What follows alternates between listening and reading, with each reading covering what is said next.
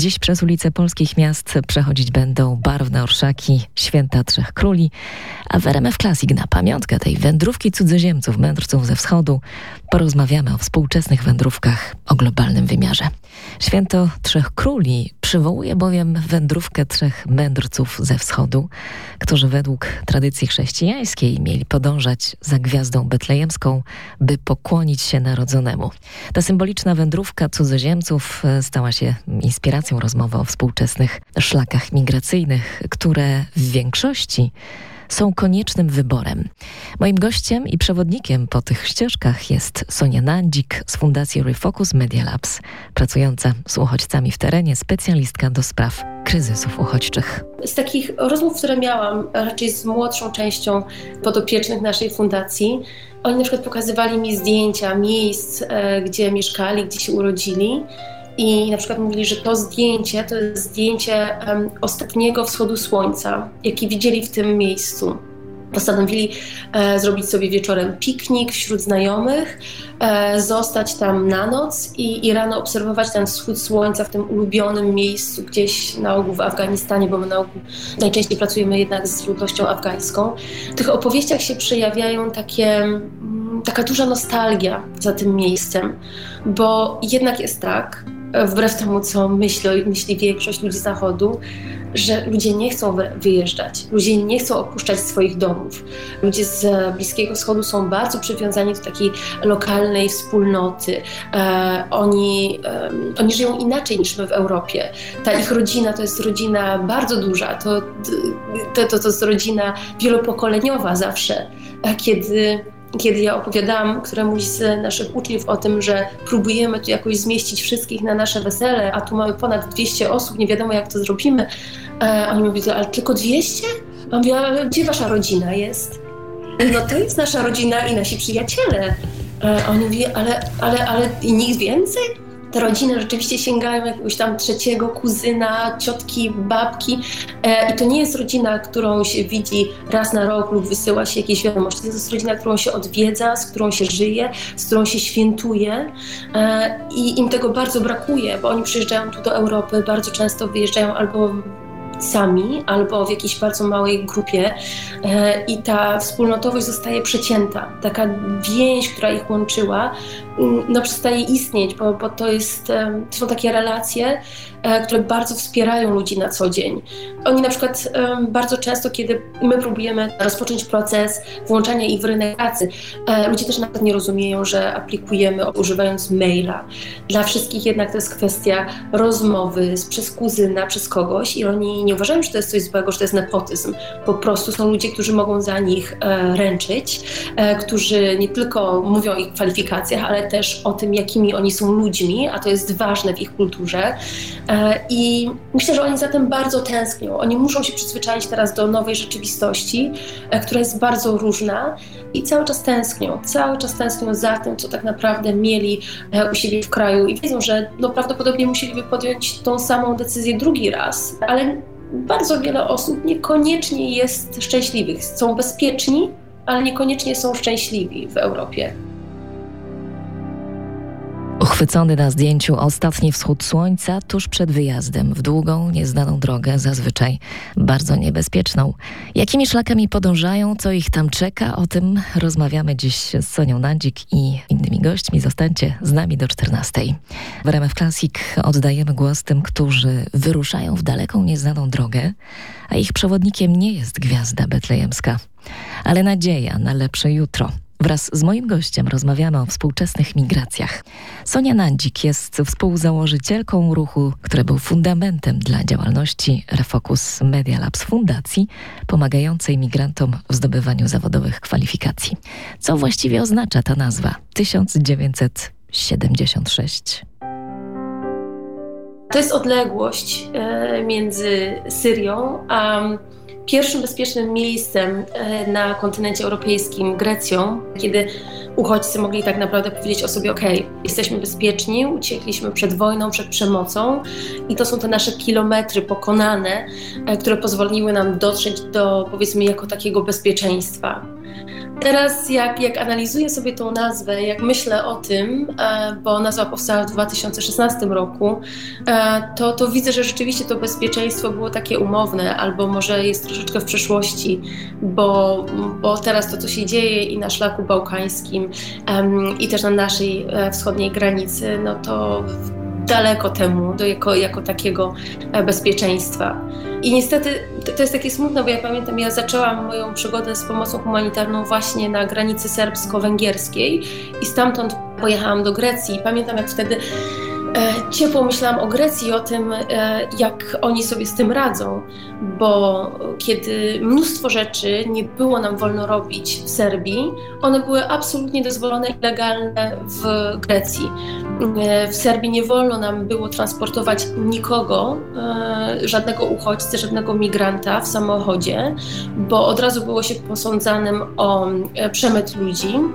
Natomiast e, w Grecji to była absolutnie normalna sprawa. Jeżeli ktoś potrzebuje pomocy lekarskiej, transportujemy go od razu do, do szpitala.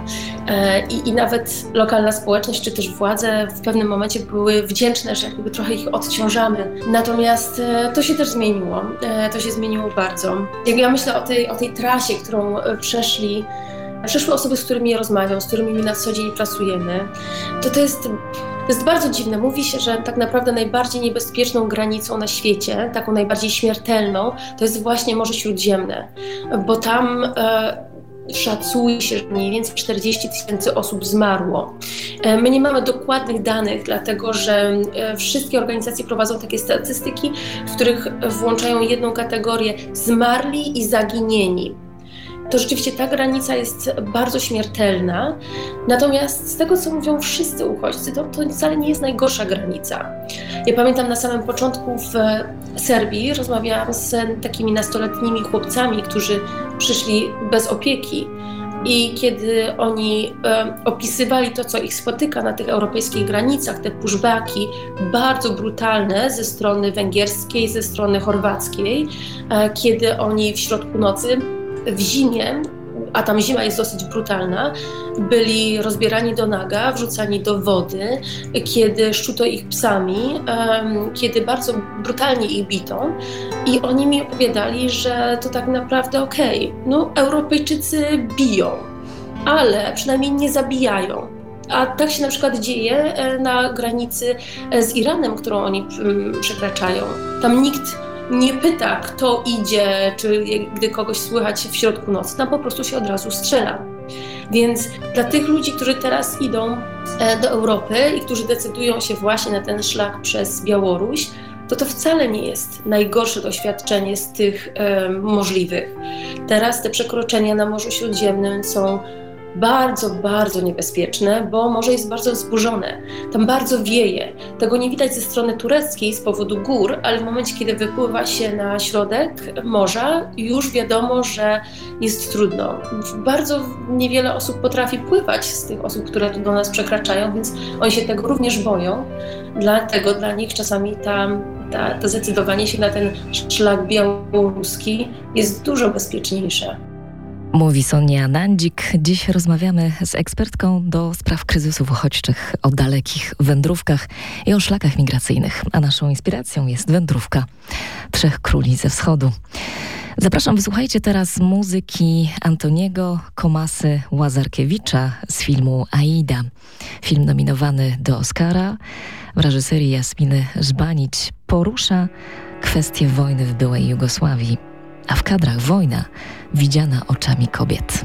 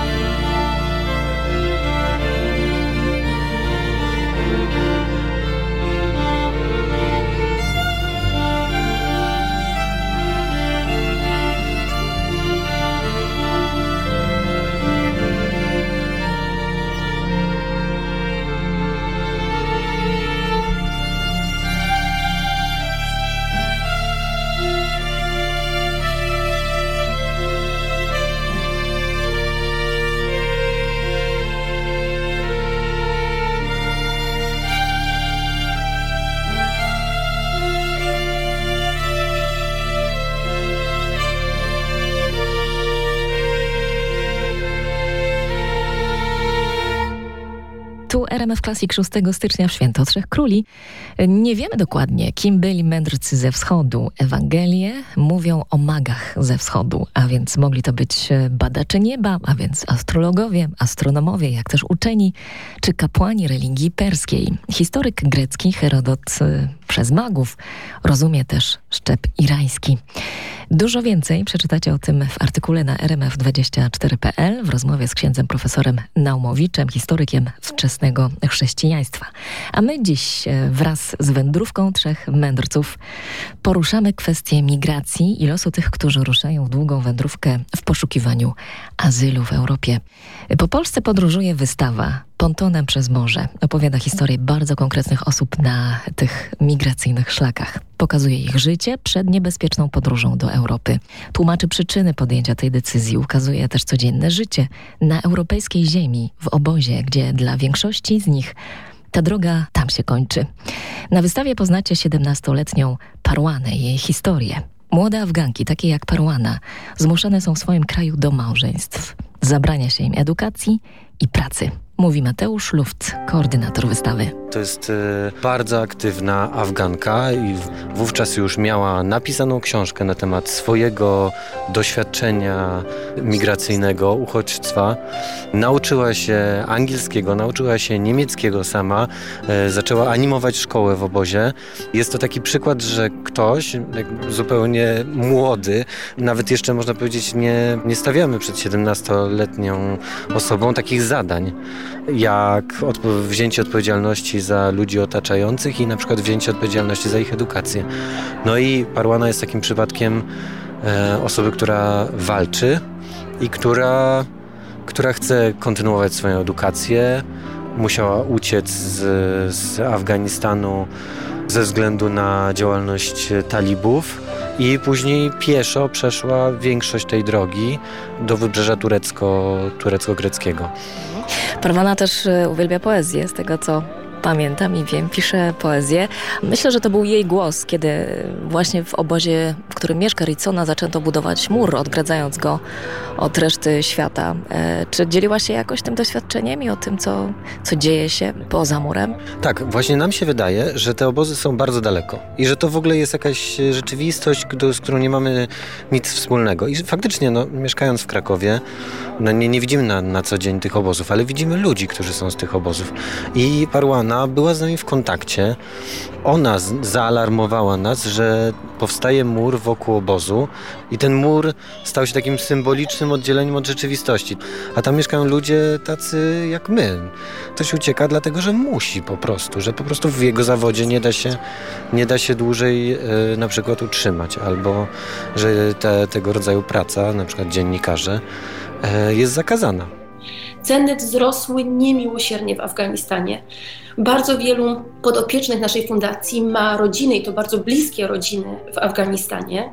Mówią nam o tym po prostu, jak mięso to jest oczywiście absolutnie temat, który, który już się nie pojawia, ale chleb potrafi kosztować 10 razy więcej niż poprzednio. E, mało tego, osoby, którym udało się uciec i przekroczyły granicę z Pakistanem, w tych lokalnych miejscowościach po stronie Pakistanu ceny wzrosły e, kilkakrotnie i też cierpi na tym oczywiście e, lokalna ludność, ale też zarabia na tym, bo e, uchodźców z Afganistanu płacą więcej, bo, bo są bardziej zdesperowani za żywność.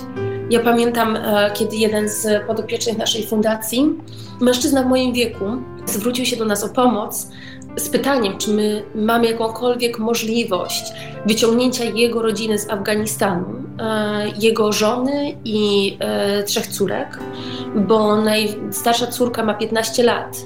I rozpoczął się wtedy ten ruch, kiedy talibowie zaczęli chodzić od domu do domu i rejestrować e, kobiety niezamężne, które są już w wieku takim, że powinny być zamężne, tak? I jego 15-letnia córka również znalazła się na tej liście. I, i tak naprawdę to, to, to, jest, to był dramat tego człowieka, bo on poszedł pierwszy do Europy z taką myślą, że on sprowadzi je, trzy, cztery kobiety właściwie bezpieczniej, że kiedy on dostanie azyl, będzie mógł rodzinę um, do siebie jakoś przetransportować. To jeszcze się przynajmniej nie stało, ale dla nich jakby nikt nie miał dobrego rozwiązania bo wszyscy, wszystkie siły międzynarodowe wyjechały z Afganistanu i jedyne co im poradzono to to, żeby zapłacili za przemytnika, który ich e, na stronę pakistańską przemyci i tam próbowali jakkolwiek się wydostać. To są ogromne dylematy ludzkie w tym momencie i, i dramaty. Szacuje się, że na 40-milionową ludność Afganistanu połowa, aż 20 milionów ludzi każdego dnia ma trudności ze zdobyciem żywności. Mówiła Sonia Nandzik z Fundacji Refocus Media Labs oraz Mateusz Luft, koordynator wystawy Pontonem przez Morze. A teraz sięgam po ścieżkę dźwiękową z filmu, który poruszył wiele serc. Jest na krótkiej liście do Oscara. To hiszpański film Mediterraneo, który opowiada o założycielu organizacji Open Arms i opowiem o niej niebawem. Moria.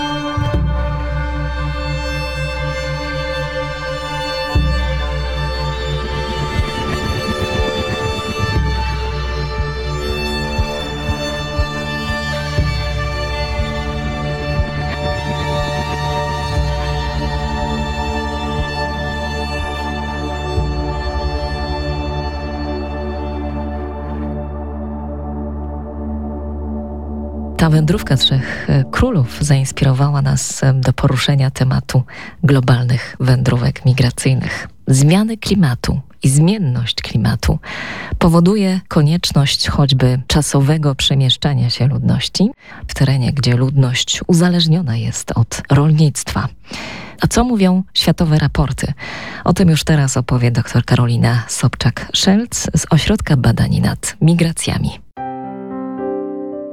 Ostatnio został przez Bank Światowy opublikowany raport, który mówi o tym, że wewnętrznie przesiedlonych najwięcej będzie ludzi z obszarów Afryki subsaharyjskiej, a Oceania i Azja Wschodnia jest na drugim miejscu po Afryce subsaharyjskiej. Czyli wydawałoby się, że ten obszar, który najmniej w jakiś sposób jest odpowiedzialny za zmianę klimatu, będzie zmuszony opuścić swoje miejsce zamieszkania. Ludzie stamtąd będą zmuszeni zdecydowanie mają najmniejszą możliwość dostania się do skutków zmian i ograniczeń środowiska przyrodniczego i klimatu, bo żeby się dostosować, to się mówi tak ładnie, to są możliwości adaptacyjne, coping po angielsku, czy radzenia sobie z, z tą sytuacją, wiąże się z koniecznością dużych nakładów finansowych, e, ale również wiąże się z tym, że jest dostęp do nowych technologii, do tego, że rolnictwo się zmienia. Trzeba wycofać te produkty, które zostały wprowadzone, czy te najbardziej wodochłonne, bo bawełna czy pszenica są prawami bardzo chłonnymi,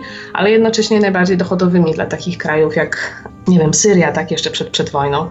W rzeczywistości przynosiła dochody, ale niekoniecznie była odpowiednio dla, dla danych terenów, bo, bo wiązała się z koniecznością dużych nakładów wody. Więc tak, obszary, które mają najmniejszą, są najbiedniejsze, jednocześnie najmniej uczestniczą w powodowaniu zmian klimatu, w wywoływaniu ich skutków, będą najbardziej dotknięte, też najbardziej będą odczuwały ich skutki z racji tego, że mają najmniejszą możliwość adaptacji. Gdzie te migracje są teraz najsilniejsze i czy to są takie migracje z zagranicy, czy jednak one też się w obrębie danego kraju odbywają? O migracjach tych środowiskowych mówi się, że ich największa skala to są, ich skala to tak naprawdę są migracje wewnętrzne.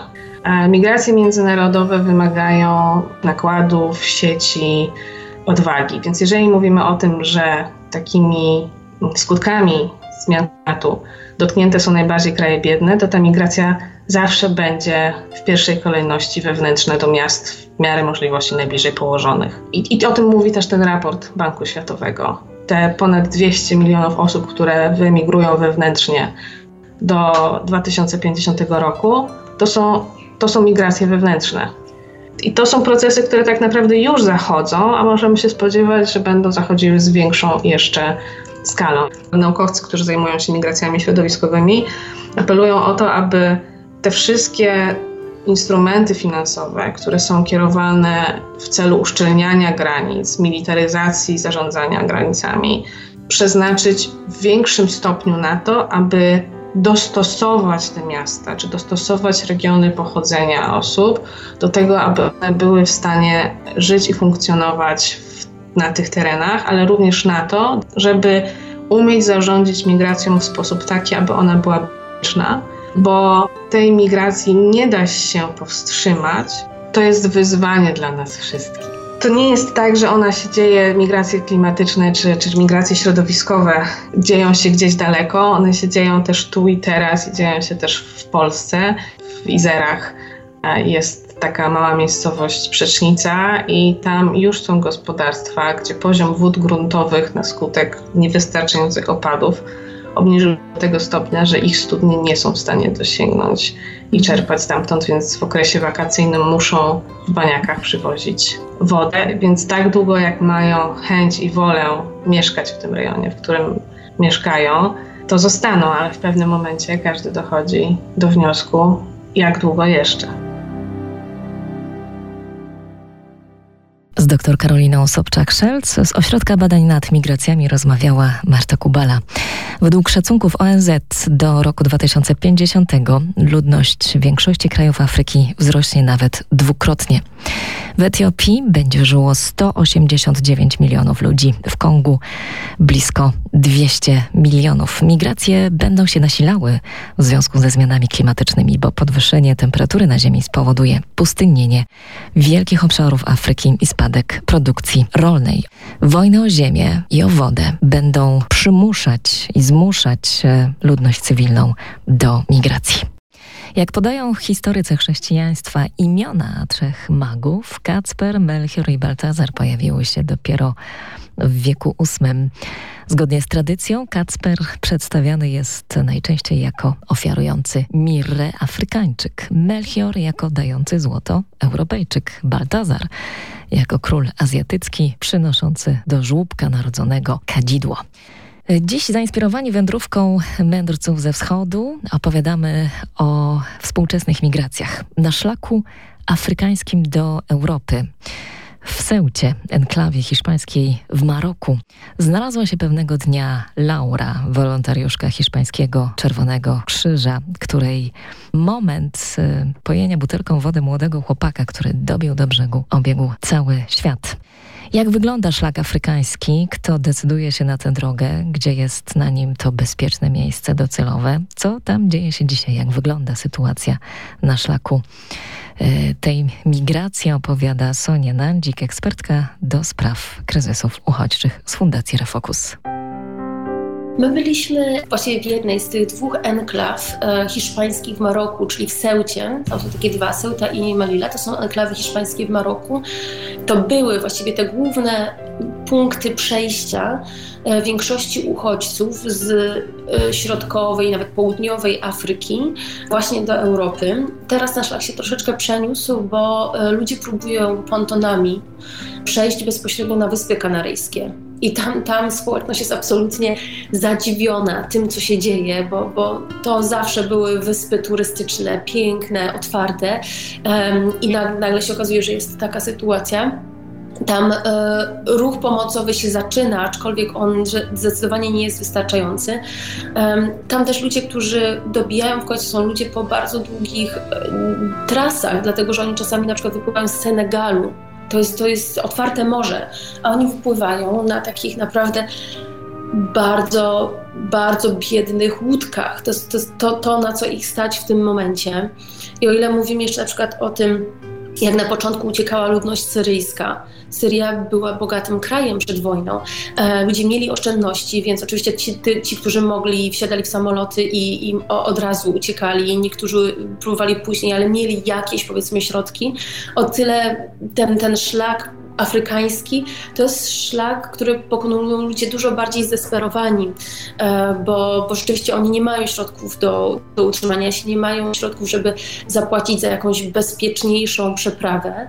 Przechodzą przez e, często Saharę, e, która już jest bardzo śmiertelna, no i dochodzą do, do tych enklaw, na przykład właśnie hiszpańskich, i tam jest taka ciekawa sytuacja, bo tam, e, tam ten, ten płot, on jest bardzo długi, on, on ma, jak myśmy byli, to oni go jeszcze wydłużali, ale on miał około 9 metrów wtedy e, i zakończony był takim, takimi bardzo ostrymi kolcami. I ludzie się na niego wspinali, próbując po prostu go, go przekroczyć, e, a sytuacja jest taka, że tam ten płot jest podwójny, czyli ludzie przeszli przez jeden płot, znaleźli się bezpośrednio przed drugim płotem i jeżeli udało im się ten drugi płot przekroczyć, e, to oficjalnie mogli prosić o azyl na stronie hiszpańskiej.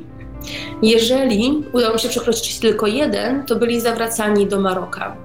No i tu nie ma co ukrywać, Unia Europejska płaci e, rządowi Maroka za strzeżenie tej granicy. To jest bardzo obwarowana granica e, z dronami, e, z ogromną ilością wojska na tej granicy, gdzie też media są niedopuszczane. To są bardzo smutne naprawdę obrazki, bo ludzie próbują wejść, próbują przekroczyć tą granicę, wspinają się na ten ogromny płot i już w tym momencie na dole płotu czeka na nich armia e, marokańska. I, I tak naprawdę oni czekają, oni, oni nawet nie próbują ich zdjąć z tego płotu, oni czekają, aż ludzie z wycieńczenia po prostu zemdleją i spadną z tego płotu. E, bo, bo ludzie nie mają niczego ze sobą, nie mają, nie mają wody, a to jest jednak Maroko. Tak, latem te temperatury są e, bardzo duże. E, my nawet widzieliśmy absolutnie straszne, straszne zdjęcia z prześwietleń bagaży i samochodów przekraczających tą granicę między Seutą a Marokiem. Kiedy uchodźcy próbowali się zmieścić w małe barze albo nawet w koła dużych samochodów. Oni po prostu wchodzili w dętki, robiono im tam jakieś otwory, żeby mogli oddychać i w ten sposób próbowali przekroczyć. Tam bardzo dużo ludzi zmarło właśnie z takiego prostego powodu, że, że nie dostało tlenu. E, więc to też pokazuje tą, tą rozpacz, tą desperację ludzi. Więc e, kiedy my tak bardzo łatwo odpychamy te powody, dla których ludzie mogą przekroczyć, to, to tak naprawdę pomyślmy o tym, jak oni przekraczają, do czego są zdolni, jakiego poświęcenia są w stanie dokonać, aby po prostu przejść do Europy. Moim gościem jest Sonia Nandzik z Fundacji Refocus Media Labs. Do tej rozmowy wrócimy wkrótce. Rozmawiamy dziś o współczesnych szlakach migracyjnych. No i teraz sięgam po muzykę z filmu, który dotyka tego tematu. Nosi tytuł Adu. To film w reżyserii Salvadora Calvo opowiada o północnej Afryce i jej mieszkańcach. Wśród bohaterów chłopiec, który rusza w bolesną podróż, ojciec, który próbuje odzyskać córkę i strażnik przybrzeżny, który zmaga się z poczuciem winy. Adu, a travers de Africa.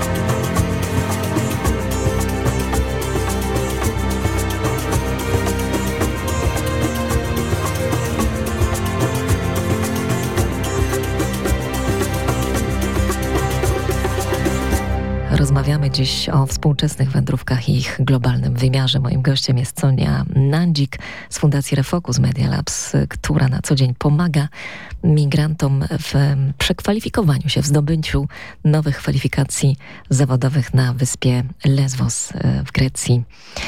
Fundacja nie zajmuje się bezpośrednio pomocą przy odbieraniu ludzi, gdy ci docierają do lądu, ale mój gość, Sonia Nandzik, obserwowała takie akcje.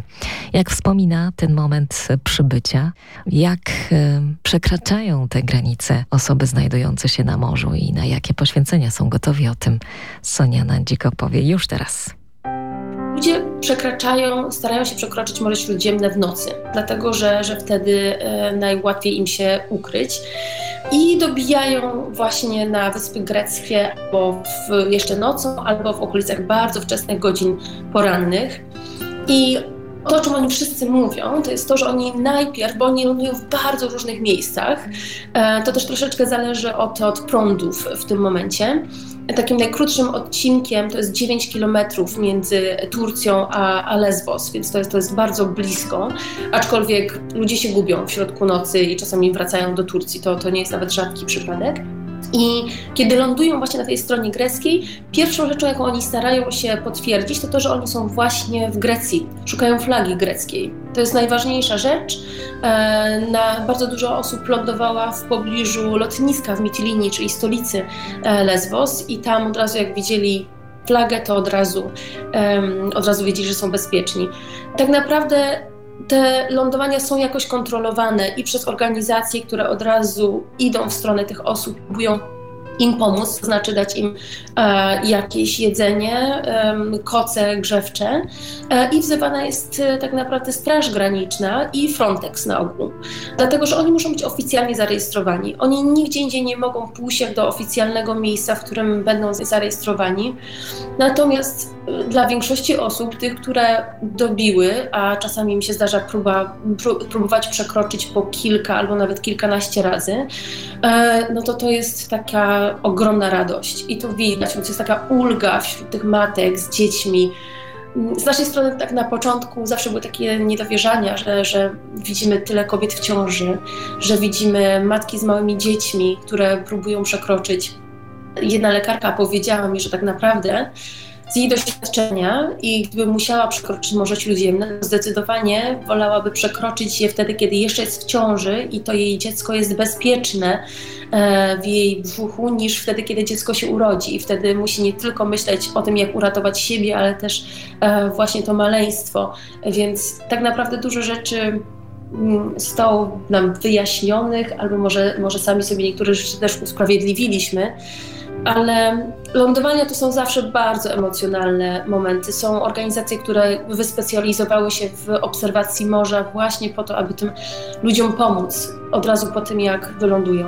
Tak, działają i Open Arms, i wiem o takiej organizacji Sea-Watch, jest też. Y, statek, jeśli dobrze pamiętam, Lekarze Bez Granic. Statki to jest w ogóle zupełnie inna kategoria i tak niesamowicie potrzebna w tym momencie, e, dlatego że my widzimy, że ta podróż z Turcji się bardzo wydłuża. Te szlaki były zawsze bardzo podzielone. Mieliśmy do czynienia z Morzem Śródziemnym Wschodnim, Zachodnim i Środkowym. Z Turcji zawsze wszyscy wędrowali do Grecji, na Wyspy Greckie. Natomiast teraz z powodu pushbacków ludzie próbują się stamtąd przedostać do Włoch a to już jest dużo dłuższa trasa. My zawsze raczej obserwowaliśmy e, to, ten szlak z Tunezji do, do Włoch, e, i który już był bardzo długi. Tam przemytnicy mówili ludziom, że to jest kwestia dwóch, trzech godzin, więc ludzie, ludzie tak naprawdę im wolno zabrać ze sobą bardzo mały pakunek, nic więcej.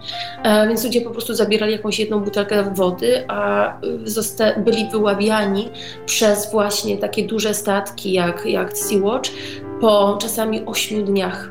Tam ludzie już, już praktycznie wegetowali i to były dramaty niesamowite. A teraz właśnie, kiedy ten szlak jeszcze bardziej się przesuwa i ludzie z Turcji e, próbują przejść bezpośrednio do Włoch, bo, bo, uważają, że tam jest mniejsza szansa na bycie odepchniętym, e, no to prawdopodobnie będziemy widzieć jeszcze większe dramaty ludzkie. Żadne życie nie powinno dryfować. To jest motto organizacji Sea-Watch. Ramię w ramię na morzu pracuje też organizacja Open Arms. O jej założycielu, Oskarze Campsie, powstał niedawno film fabularny pod tytułem Mediterraneo.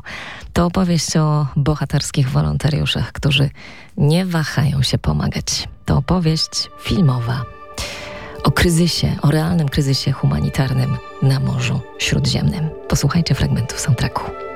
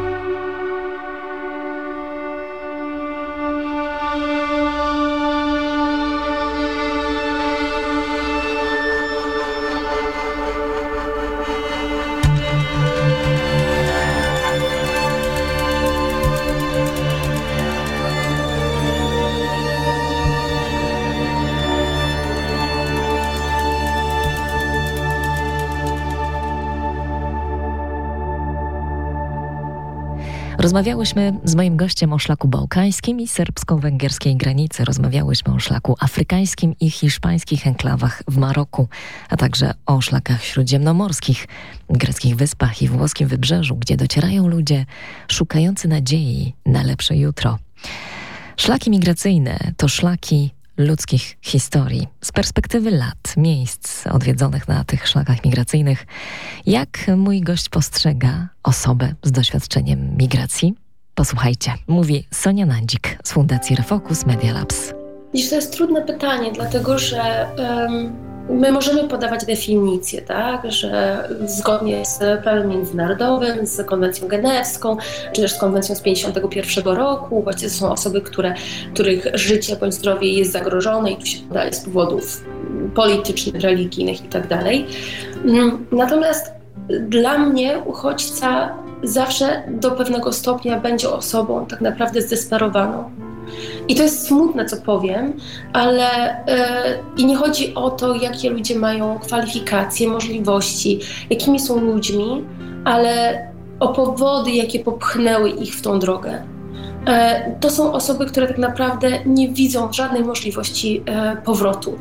Owszem, zdarzają się przypadki, ludzie proszą o taką tak zwaną dobrowolną deportację, ale to są, tego nie jest dużo. To są osoby, które tak naprawdę musiały porzucić wszystko, i, I dlatego właśnie ta desperacja też pcha ich przez te, przez te wszystkie granice.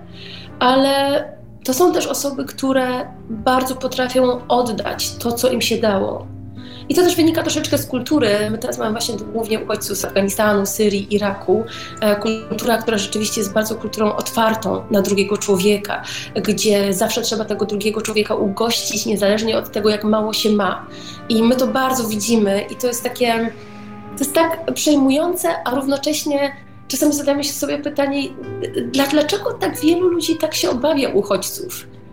To jest kultura stołu, to jest e, kultura jedzenia, e, gdzie każdy obcy stanie się kiedyś swoim, właśnie dlatego, że został przyjęty, że się z nim rozmawia, że dzieli się doświadczenia z nim. Więc. Więc ten strach tak naprawdę, pomijając fakt, że rzeczywiście każdy musi być sprawdzony i my musimy sprawdzić, czy osoby mają jakieś przes przeszłości przestępczej, to jednak większość osób, które trafia do Europy, to są osoby, które otwierają też dla nas um, serca i, i, umysły. Oni się bardzo starają zrozumieć naszą kulturę e, i my wielokrotnie naprawdę byliśmy goszczeni przez ludzi w obozach, którzy naprawdę nie mieli nic. Tak naprawdę naprawdę dzielili się jednym bochenkiem chleba, jaki mieli. E, I, i uważali, to, to jest też takie dla nich trochę obraźliwe, jeżeli nie chce się z nimi siąść i tego chleba przełamać, bo, bo oni, to, to nie jest ważne, że oni nie będą go mieli na jutro. To jest ważne, że ty jako osoba będziesz teraz przy jednym stole z nim, zrozumiesz ich, e, porozmawiasz z nimi, i być może staniesz się w tym momencie przyjacielem rzeczywiście na całe życie, bo oni tacy są i to jest taka właśnie kultura. Sonia Nandzik za chwilę w ostatniej części naszej rozmowy opowie o melodiach i muzyce na migracyjnych szlakach. Zostańcie z nami. Teraz muzyka Aleksa Hefesa z filmu Mandela Droga do wolności.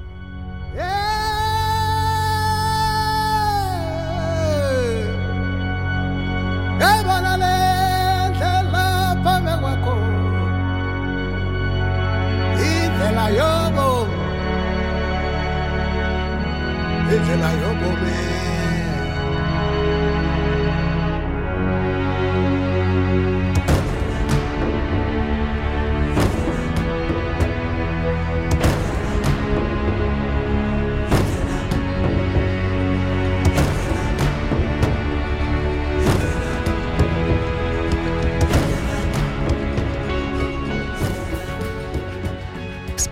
wędrówkę trzech cudzoziemców, mędrców ze wschodu, którzy podążali według tradycji chrześcijańskiej za gwiazdą betlejemską po to, by pokłonić się nowonarodzonemu.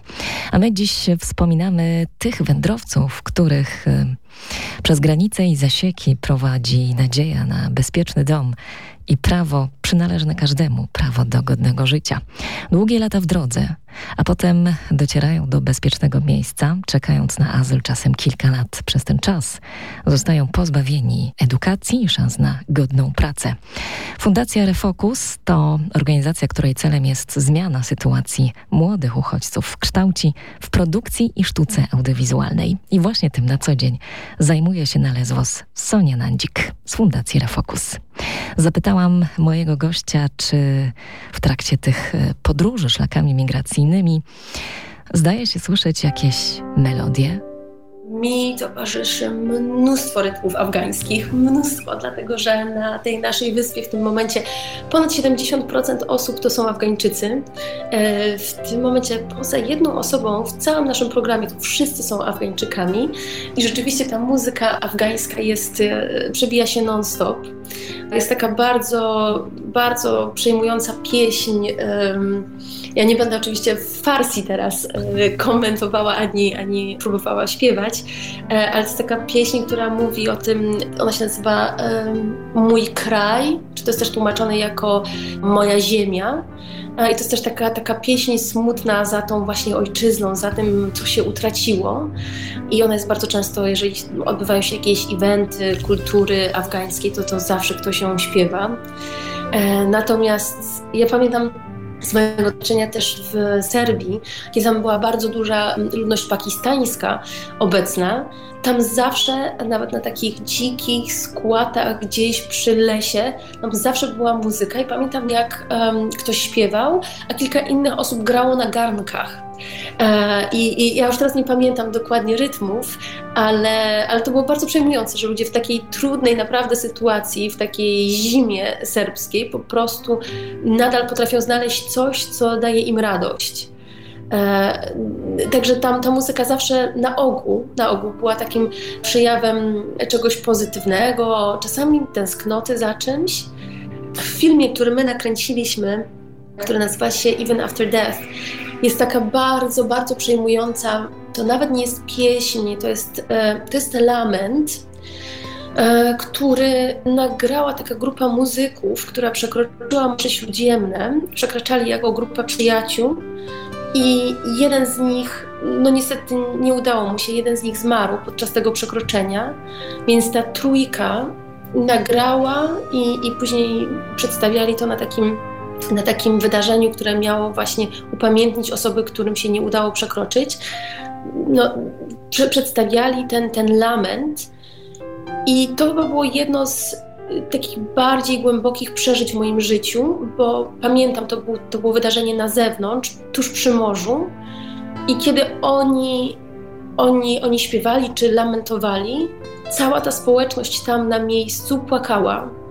To, to było niesamowite, to było tak głębokie, bo, bo wszyscy znali historię, wszyscy wiedzieli, czego dotyczy ten lament. Tak, to było bardzo, bardzo przejmujące. Był to program specjalny o współczesnych wędrówkach z dalekiego kraju.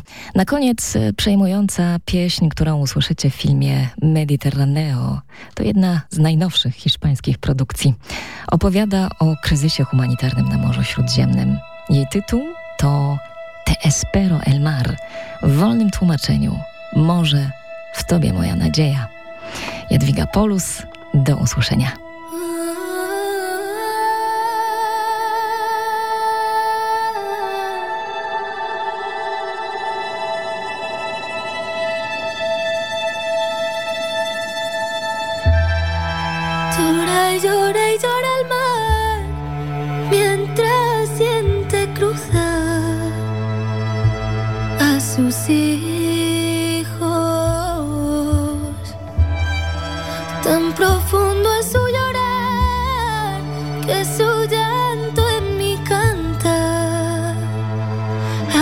grito